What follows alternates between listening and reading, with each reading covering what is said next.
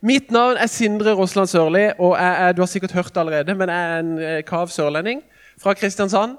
Er Født og oppvokst, utrolig stolt av um, Sørlandsskips, Dyreparken og Henning Olsen Is. Så eh, hvis du har noe vondt å si om det, så ja, vi, vi, vi kommer nok overens, men litt sånn, det er litt sårt. Eh, og eh, det som er utfordringa mi i dag, det er at eh, jeg har stått opp veldig tidlig. Eh, så enten så kommer jeg til å gå veldig hardt ut, og så kommer du til å tenke wow, hva er det som går av han der? Eller så er jeg litt sånn bakpå, og så tenker du ja, han var litt, litt kjedelig. Jeg vet ikke helt hvor det lander, men jeg er en sånn kav sportsidiot. Mats Zuccarello og eh, Minnesota røyk ut av NHL-sluttspillet denne helga. Det er NFL-draft. Eh, I morgen spiller Start mot Raufoss. Altså, Jeg følger med på alt av sport. Og jeg har jo da klart at Etter jeg ga meg med håndball, som på en måte var min sport, så klarte jeg å rote meg inn i en ny idrett, og det er frisbeegolf. Så jeg har rett og slett vært og spilt turnering i dag. Og denne helga så spiller jeg turnering. Og jeg sto opp før altså, Ja, det var så tidlig at jeg vet ikke Ja. Var, ja. Så ja. Hvis jeg blir veldig ivrig etter hvert, så får du rope et eller annet. Hva er, liksom, hva er, hva er ordet i denne forsamling? Hva, hvilket ord er sånn safe word? Halleluja. Hvis folk roper halleluja, så skal jeg rope ned. For en plan vi har i gang i dag. Hei og hå. Dette kan bare gå bra, tenker jeg. Jeg er så utrolig takknemlig for å være her. En prat med deres pastor eh, Jon Kjetil, og jeg begynte å bli litt glad i han. For en type, altså. Hæ? Dere er heldige. Skikkelig bra mann. Og jeg får lov til å kicke av denne taleserien. Altså, Han er jo litt gal òg, kanskje, hvis han slipper på en helt ny fyr til å starte taleserien. Men den skal handle om det å være sendt. Og Jon Kjetil, Vi litt sammen, og han fortalte meg hvordan han ønsker å bygge en kultur i denne forsamlinga der folk opplever at de liksom blir oppmuntra til å vite at de er sendt av Gud der de er. Fantastisk. Og Jeg skal ikke bruke for mye tid på det, for da, da stikker tida mi av gårde. Men fantastisk. Jeg håper han har brukt masse tid på det. Han bruker sikkert mye tid på det. Og nå skal dere inn i en taleserie om det. Og da er jeg bare, bare for ikke å avsløre alt med en gang, så har jeg tatt en sånn litt sånn dårlig tittel. Rett og slett. Men jeg har tenkt at hvis det er tilfellet, at vi er sendt av Gud med et oppdrag, som til og med også blir kalt en befaling, misjonsbefalingen, om å gå ut og gjøre alle mennesker til disipler, når vi vitner om hva evangeliet er, hvem Jesus er, så er vi altså sendt med det. Og så har jeg tenkt å stille spørsmålet bare sånn litt sånn Ok, det er sant, men hva nå, da? liksom? Hva, hva gjør vi? Det er jo en power statement. Det er jo en bra liksom, Yes, jeg er sendt. Wow, yeah, come on. Jeg kan i hvert fall gire meg på sånne ting. Jeg vet ikke med det. Du ser litt usikker ut, men det er greit. Kanskje taleserien og de andre talerne kan hjelpe deg litt mer enn meg. Men jeg har lyst i dag til å prøve å gi deg noe konkret som du kan ta med deg hjem. Som jeg tror er for alle kristne, og som jeg tror er direkte henta ut av Jesus sine egne praksiser. Og Hvis du går på Fjellhaug og har sett meg i et auditorium før, så er dette the moment of truth. For da har du hørt deler av denne undervisninga før, og da, da klarer du egentlig å finne ut i ditt sinn om den, dette var en bra undervisning eller ikke. For du finner ut om gjorde jeg noe med dette egentlig i mitt liv.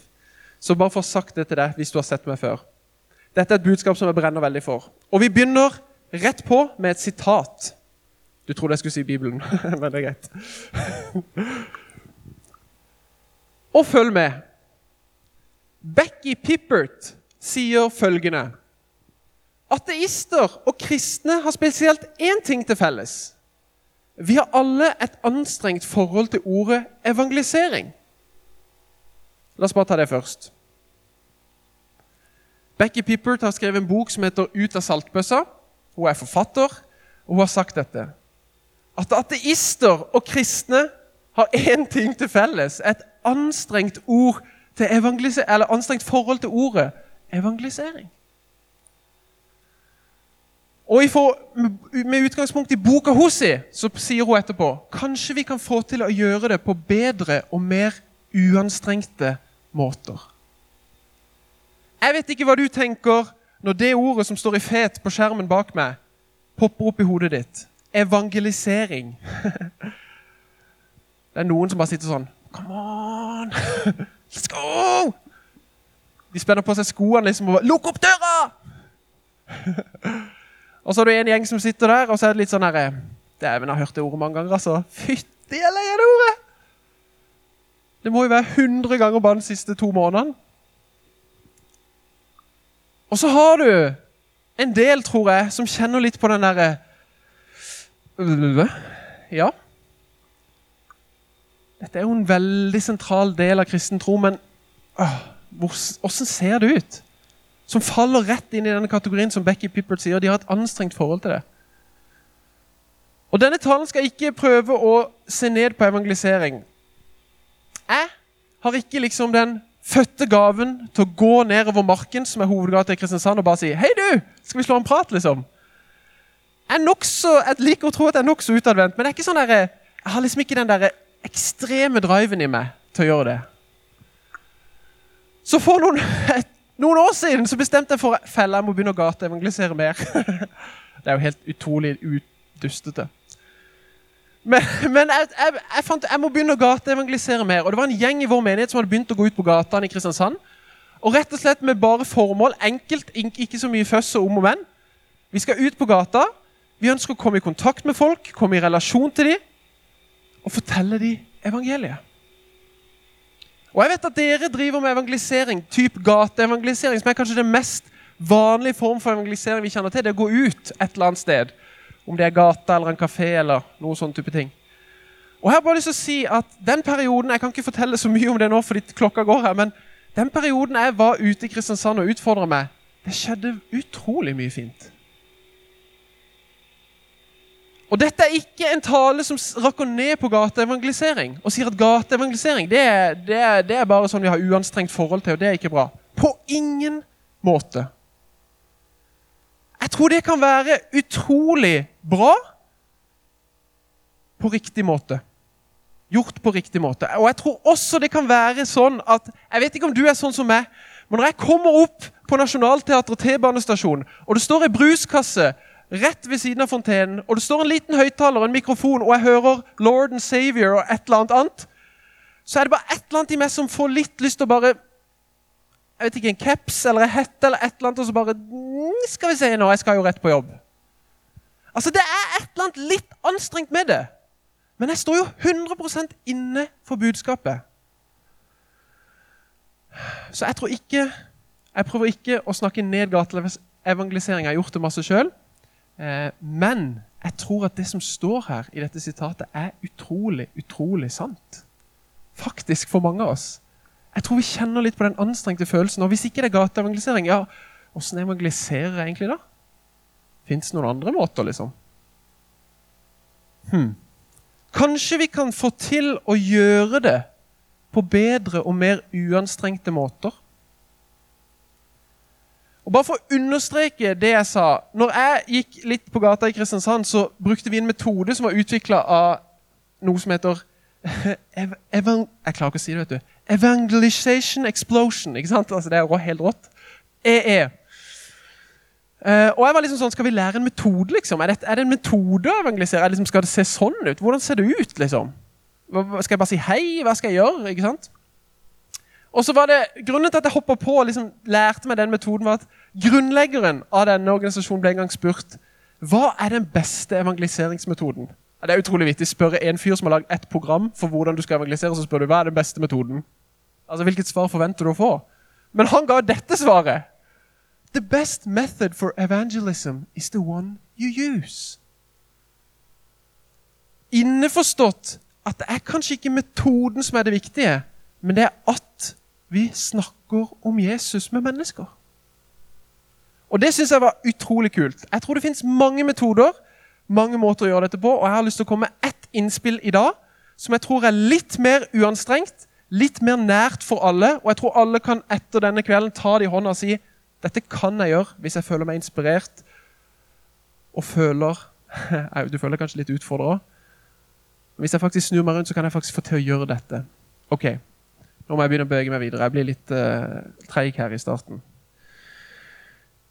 Vi i laget i 2019 så hadde vi en stor studentundersøkelse. Dritbra empiri, for vi hadde 1100 eller mer folk som svarte på, på denne studentundersøkelsen. Det er bra forskning. I 2024 så blir laget 100 år. Så jeg kunne stå her og være litt stolt av lagets posisjon, og sånne ting, ikke pga. meg, pga. de som har jobba i denne bevegelsen. Siden 1924 har mennesker gitt tid, krefter og penger for at det skal være mulig å møtes på skoler og være kristen, be, lese Bibelen og ha kristen fellesskap. Det er fantastisk. Og I 2024 så lager vi en ny undersøkelse for å se på oppdateringer. Men i 2019 så spurte vi kristne studenter om masse ting, og vi fant noen veldig veldig interessante ting. Dette er litt lite, men jeg skal oppsummere kjapt for dere. Bare så dere ser undersøkelsen. Vi fant ut at vi stilte en rekke spørsmål knytta til hvilken eh, måte kristne studenter var åpne om troen sin på studiestedet. I hvilken grad var de åpne om troa si? Og Det viktigste tallet du kan ta med deg, er det øverste av de gule på denne sida. 93,7% er ikke enig i at troen bør være en privatsak. Ni av ti studenter som var kristne, sa at troen skal ikke være privat. Eller han må i hvert fall ikke være det.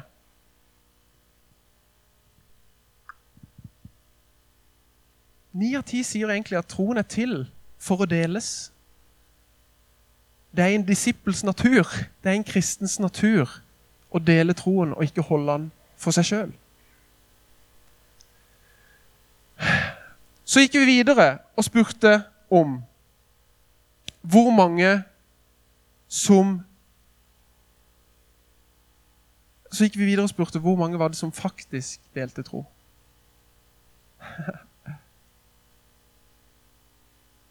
og det er nesten ingen. Og vi spurte de hvorfor, og vi fikk mange gode grunner. Unngå å bli mislikt, støte noen med budskapet, assosiert med ekstreme holdninger. Den som slo høyest ut, var 'vet ikke hva jeg skal si'. Unngå å bli oppfattet som mindre intelligent, unngå å bli oppfattet som dobbelt moralsk. Det var et kjempehøyt prosentsnitt som aldri, eller nesten aldri, delte troa si. Men allikevel så var det ni av ti som sa at troen ikke er en privatsak.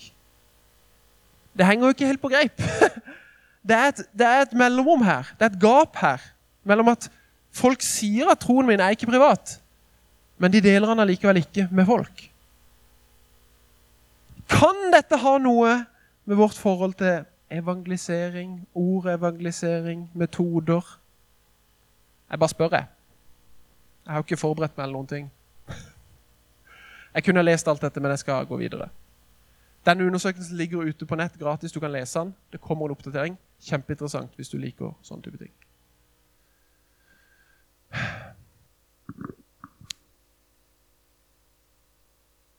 Mitt spørsmål til deg Blir du overraska? Nei, ja, kanskje. Jeg vet ikke hva ditt svar er. Tenk litt i hodet ditt. Ni av ti kristne studenter i en svær empirisk undersøkelse sier at troen ikke er en privatsak. Men en stor, stor andel av disse og deler aldri troa si. Mitt spørsmål blir ofte sånn Hvorfor mangler vi praksisen? Som praktisk teolog, og, eller det, jeg har studert og det jeg jobber med, så blir det sånn hvor, Hvorfor mangler vi praksisen? De sier jo at de ønsker å leve med troa, sånn at han ikke er privat. Men hvorfor mangler vi praksisen?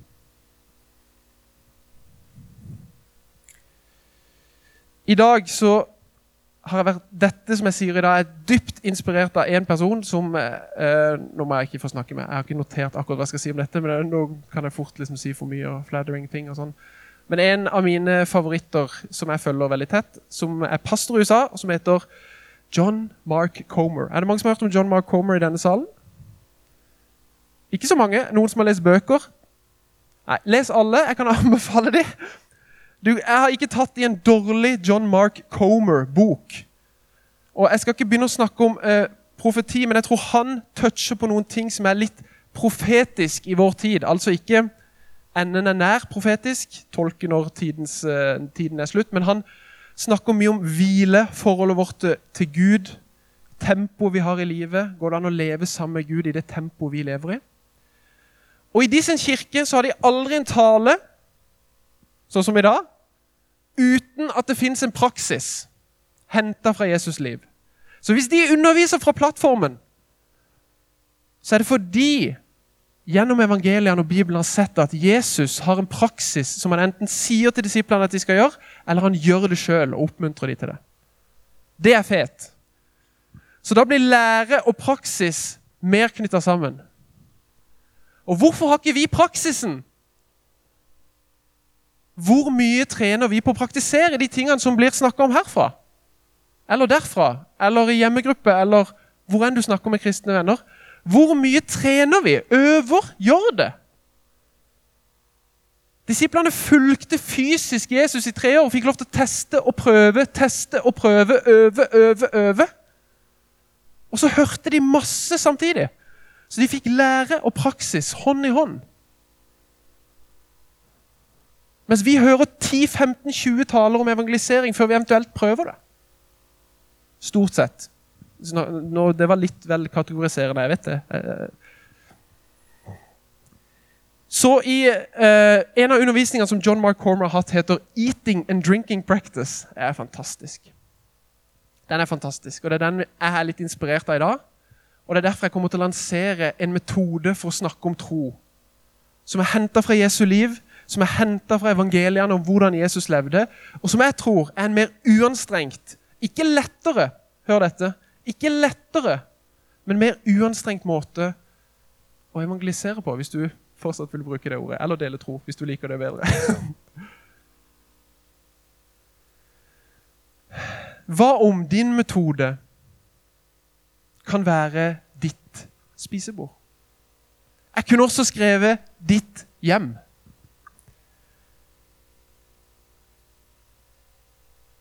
Hva om det viktigste verktøyet du har i ditt verktøybelte som en disippel av Jesus,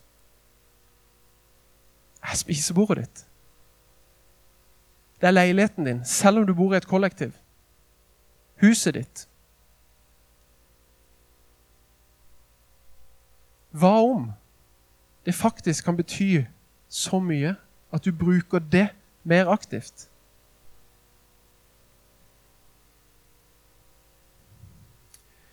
Jeg skal be en bønn, og så skal vi lese dagens bibeltekst. og Det betyr ikke at talen blir dobbelt så lang. Men jeg skal be en bønn for ordet, og så skal vi lese dagens bibeltekst. Himmelske Far, jeg takker deg for ditt ord, Herre. Takk for at du har åpenbart deg gjennom skaperverket, gjennom Guds ord og gjennom Jesus Kristus, Herre. Og Nå ber jeg om at din ånd og ditt ord skal virke sammen på oss. På våre hjerter på våre sinn og på våre kropper, Herre. Jeg ber om at vi skal se inn i ditt ord og få nye åpenbaringer.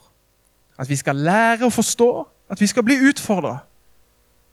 Og at vi skal se at det finnes praksiser som vi også kan gjøre og øve på, som styrker troslivet vårt, Herre.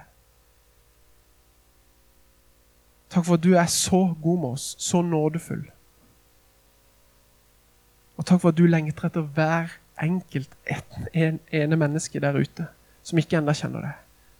La oss også brytes litt for de menneskene. I Jesu navn. Amen. Det kan være for, fordi at jeg sto opp litt tidlig, da, at jeg sover litt lite det siste døgnet. Men, men, men, det var en tår i min øyekrok. Jeg er litt lettrørt. Det kan kona mi si ja på. På første sangen dere sang. For vi skal lese fortellinga om Sakkeus.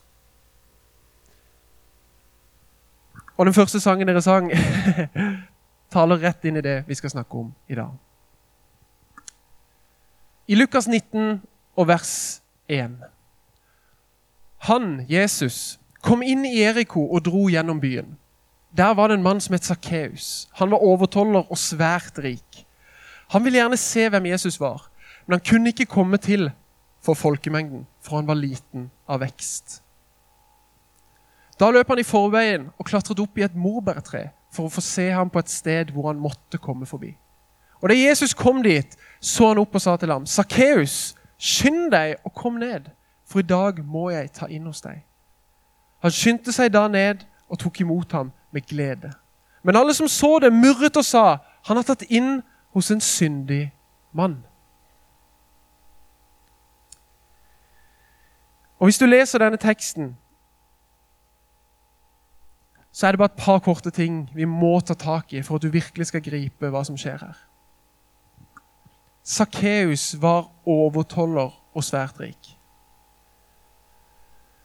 Jeg tror ikke vi kommer noen gang ordentlig til å forstå den utsatte rollen han hadde. Ja, han hadde nok valgt den jobben sjøl, men han var jøde.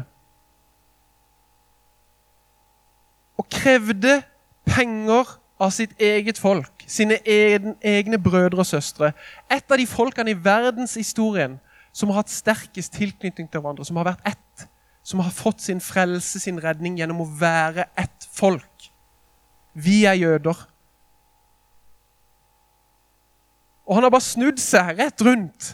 Vi, vi, vi, forstår ikke den bindingen i vår kultur, som er så multietnisk og så sammensatt.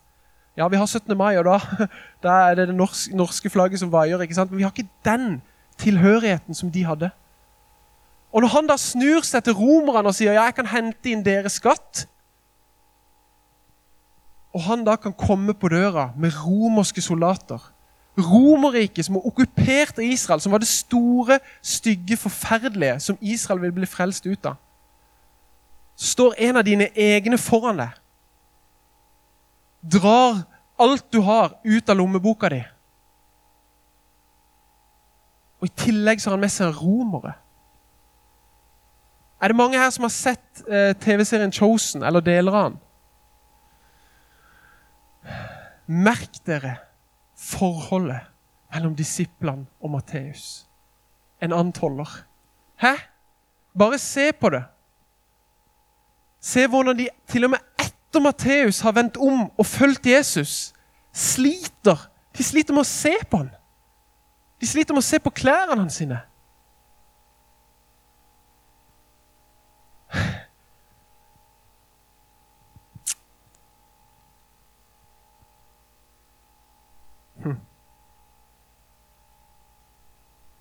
Og det, siste, det andre jeg bare vil highlighte før vi går videre, er at Jesus sier at han skal ta inn hos Sakkeus. Måltidet som en identitetsmarkør. Jeg tar den en gang til, men måltidet på denne tida, i denne kulturen, var en identitetsmarkør. Du spiste ikke med hvem som helst. Det var kjempetydelig hvem du spiste med, og i hvilke sammenhenger. Og en referanse til fra Chosen, merk det, i spesielt episoden om Nikodemus, en av fariserene. Hvem var det han gikk for å feire sabbat med? Og hvem var det Maria Magdalena feira sabbat med? To helt forskjellige grupper mennesker. Begge jøder feirer sabbat samme dagen, samme festen, samme ordene blir sagt. Men det er vidt forskjellige grupper mennesker måltidet var helt annerledes.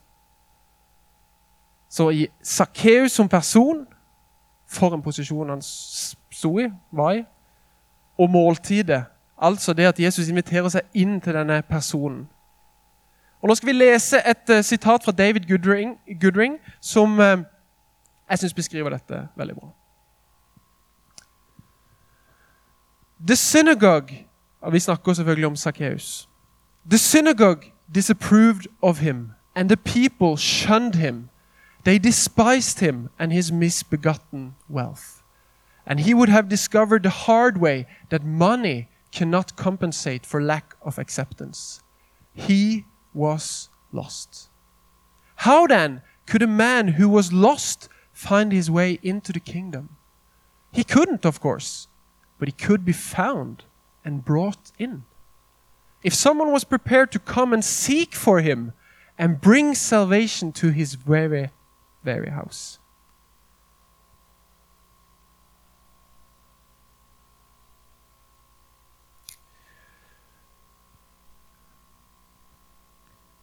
Vi skal bare kjapt touche på dette med måltidet. Robert J. Carris sier dette. Throughout the Gospel of Luke, Jesus is either going to a meal, at a meal, or coming from a meal. Den er fin, altså. Det er deilig når du er teolog og sier at det liksom That's your puff, liksom. Det handler om mat. Men kanskje det er det det gjør. Mer enn vi har skjønt. Og kanskje vi skal skjønne hvordan det kan være veldig bra. At det mange ganger kan handle om mat. Eller det å bruke tid sammen rundt et bord. Og bare For å illustrere det, så tror jeg det er sant. Vi skal ikke gå gjennom alle tingene, men jeg lagde en liste for meg sjøl. Om mange tilfeller der Jesus enten blir født i et matfat, blir invitert inn til bords Merk dere det, De lå jo til bords på den tida. Det er veldig kult da, hvis du ser litt sånn historisk. De, de satt ikke, de lå inntil hverandre som bortover. Det er next level for hjemmegruppa di. Prøv det neste gang. Ligg, ligg til bords. Prøv det og se hva som skjer. Har ikke peiling.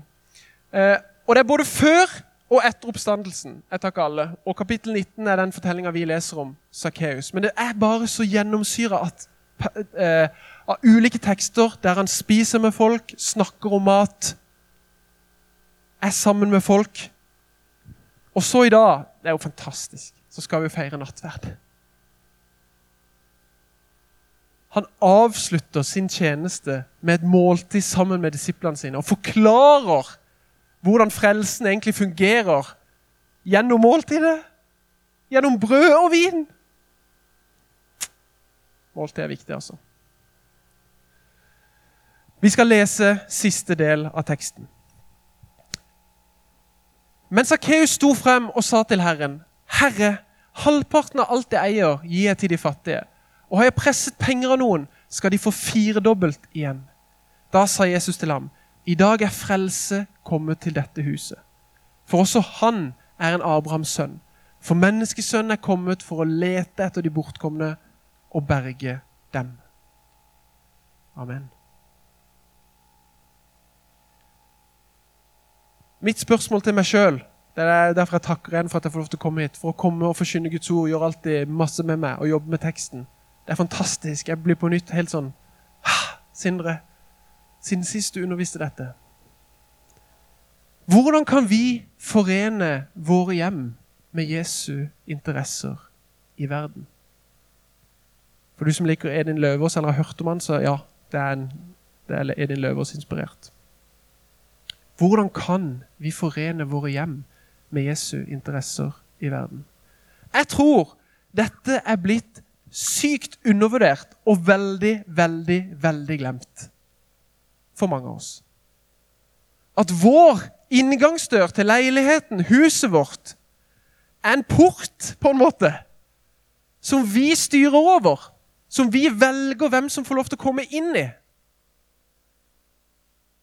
Og jeg tror denne porten kan bety mer enn du forstår for noen mennesker. Det å bare komme inn den døra sier jo noe. Gjør det ikke det? Det er jo ikke sånn at det er fri flyt inn og ut i leiligheten din hver dag. Liksom. Hvem som helst kan komme der, skilt på utsida av døra. Liksom. Åpen leilighet, bare komme inn og se. liksom. Du, du lager jo planer. Du bestemmer jo hvem som skal komme. Du ringer jo de som er morsomme eller gøye, eller de som lager god mat. Eller gå hjem til de voksne. Det var dødelig bra, forresten. Gå hjem til de voksne som lager god mat, de litt eldre. Du bestemmer. Men kan vi bli litt mer strategiske, kanskje, eller inspirert av Den hellige ånd, til å tenke hva kan denne døra, dette bordet, dette lille stedet som jeg kaller mitt, enten du leier det eller eier det, samme for meg Hvordan kan dette forenes med Jesu interesser i verden? Hvordan kan jeg ta tak i en praksis som jeg ser Jesus bruker, og bruke den?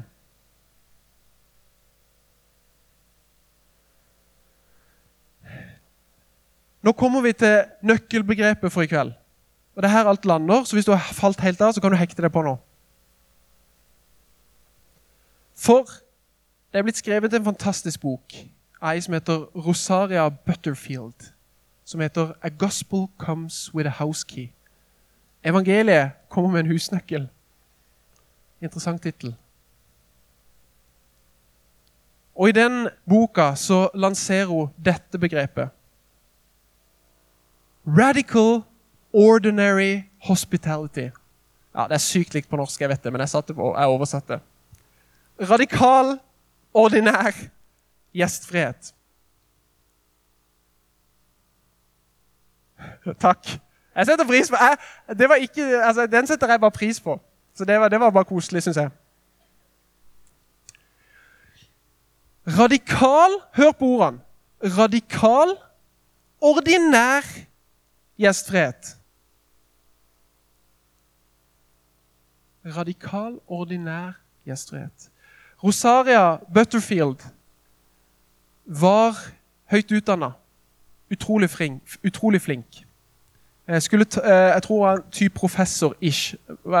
Ja, jeg husker ikke akkurat hvilken eh, posisjon hun hadde, men hun var høyt utdanna. Veldig flink. Medlem i LHBTQ og jeg vet ikke resten av den eh, der akkurat nå.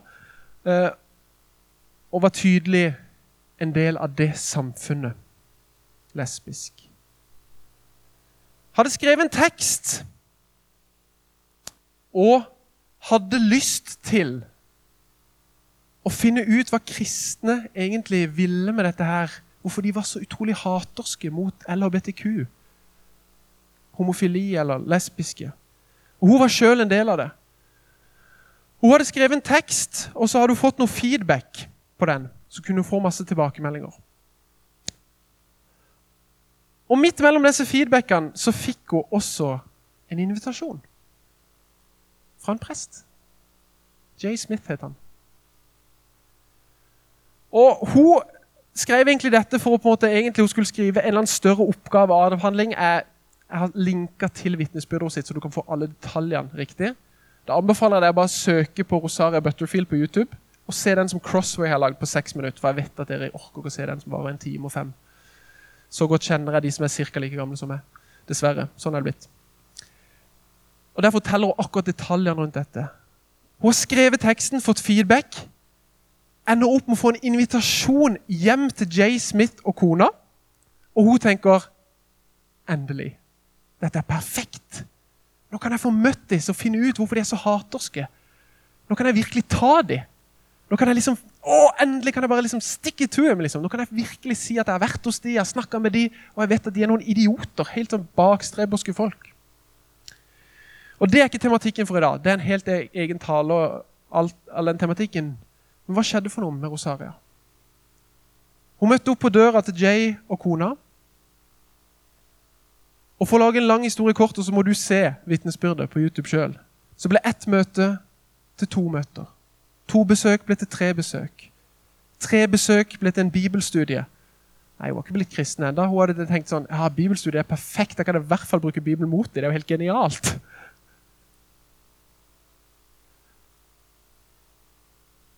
Rosaria forteller i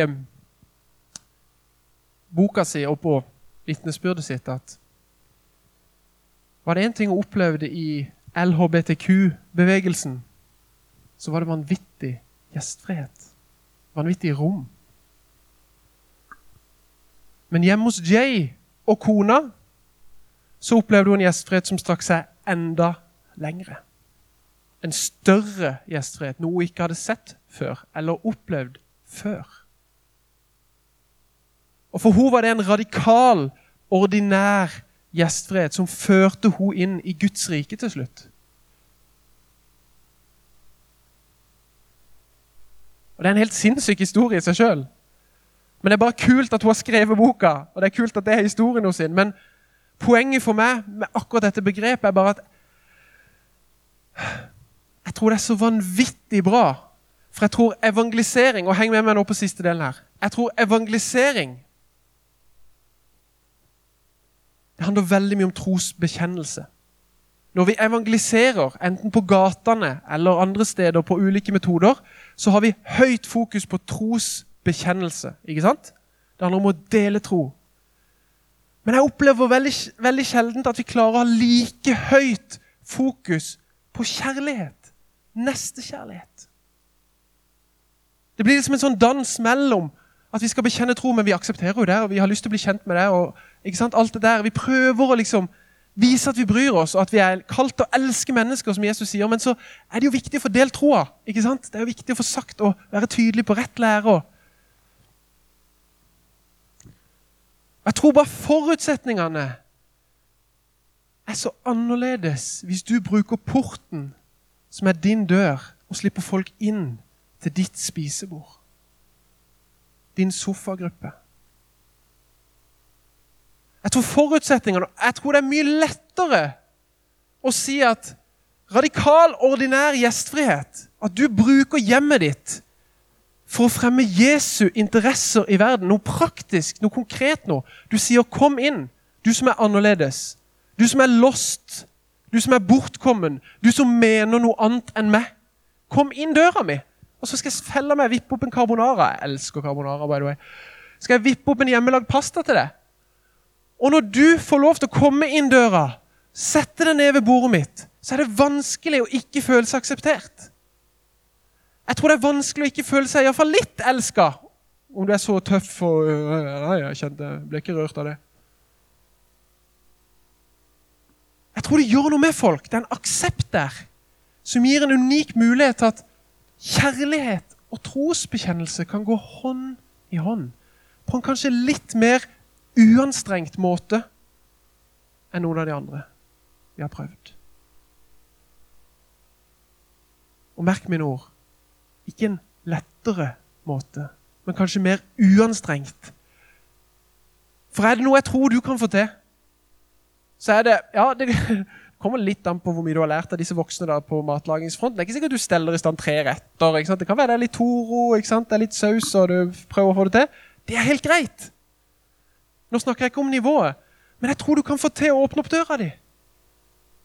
Jeg tror du kan få til å sitte hjemme sammen med noen.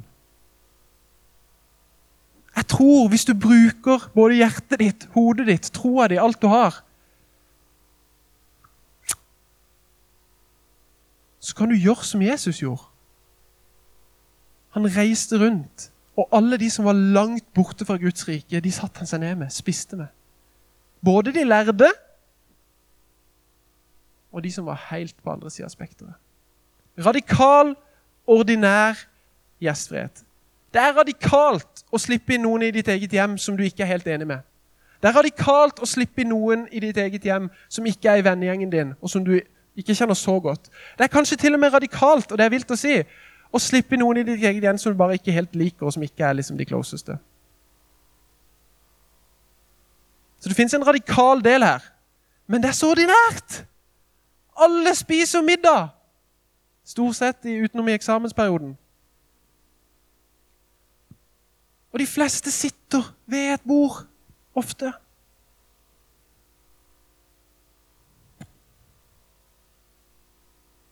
Jeg skal gi meg. Men jeg gjorde ikke justice på historien til Rosaria. Det er derfor jeg vil at du skal se YouTube-klippet sjøl. Så hun får litt mer cred, for det fortjener hun. Men begrepet står seg. Ta det med deg hjem, skriv det ned, tenk på det. Be over det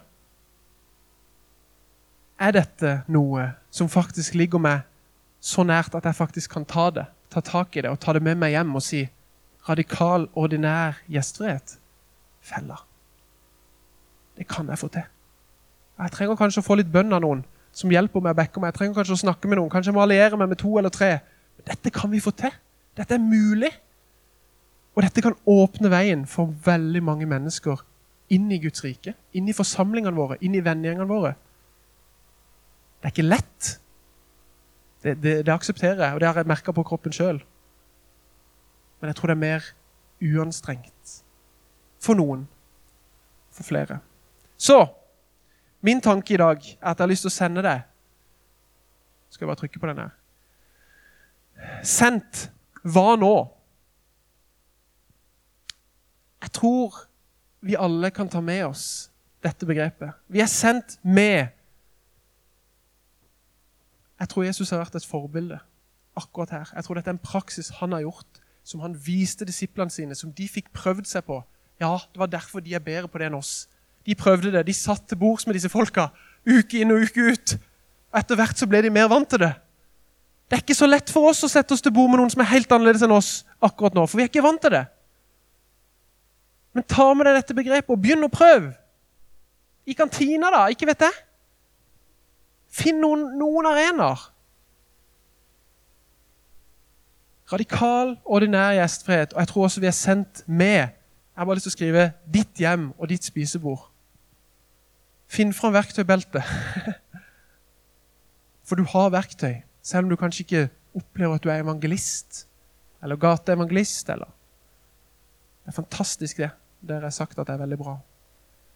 Men jeg tror du har et verktøybelte. Du må bare skjønne at det er noen kraftfulle verktøy der som du kanskje ikke har begynt å bruke enda, som er direkte gjenkjennbart i Jesu liv og Jesu lære. Jeg skal gi meg. Jeg beklager at jeg har gått litt uh, over tida. Jeg har bare lyst til å be en bønn for dette, for meg sjøl og for oss, inn i dette, og så skal vi fortsette med lovsang. Himmelske Far, jeg takker deg for at vi har fått lov til å se én historie i dag om hvordan du opererte når du sendte din sønn i menneskeform. For å vise oss, for å gjøre det mer nært, for å gjøre det mer for å gjøre det enklere for oss å relatere til. Så har du vist oss i Jesus hvordan nestekjærlighet ser ut i praksis. Jeg ber for alle som sitter her inne, og uansett hvor de er på den reisen, og uansett hvor klamt eller uklamt evangelisering og snakke om tro er, så ber jeg om at dette kan være noe som jeg tror er for alle. Jeg ber om at folk skal begynne å utfordre seg i dette. Kjenn at ditt ord drar de til å praktisere, til å øve. Jeg ber om at de skal finne styrke i hverandre. Jeg ber om at de skal finne styrke hos deg, at de skal søke deg og be. Og at du skal være med å vekke oss opp, denne generasjonen, og vise oss at dette kan være noe som kan forandre mennesker rundt oss. Ikke fordi vi er spesielle, men fordi du ønsker å finne de herre. De som er lost, de som er ute. Takk for ditt ord til oss, og takk for at du jobber i våre liv. Amen.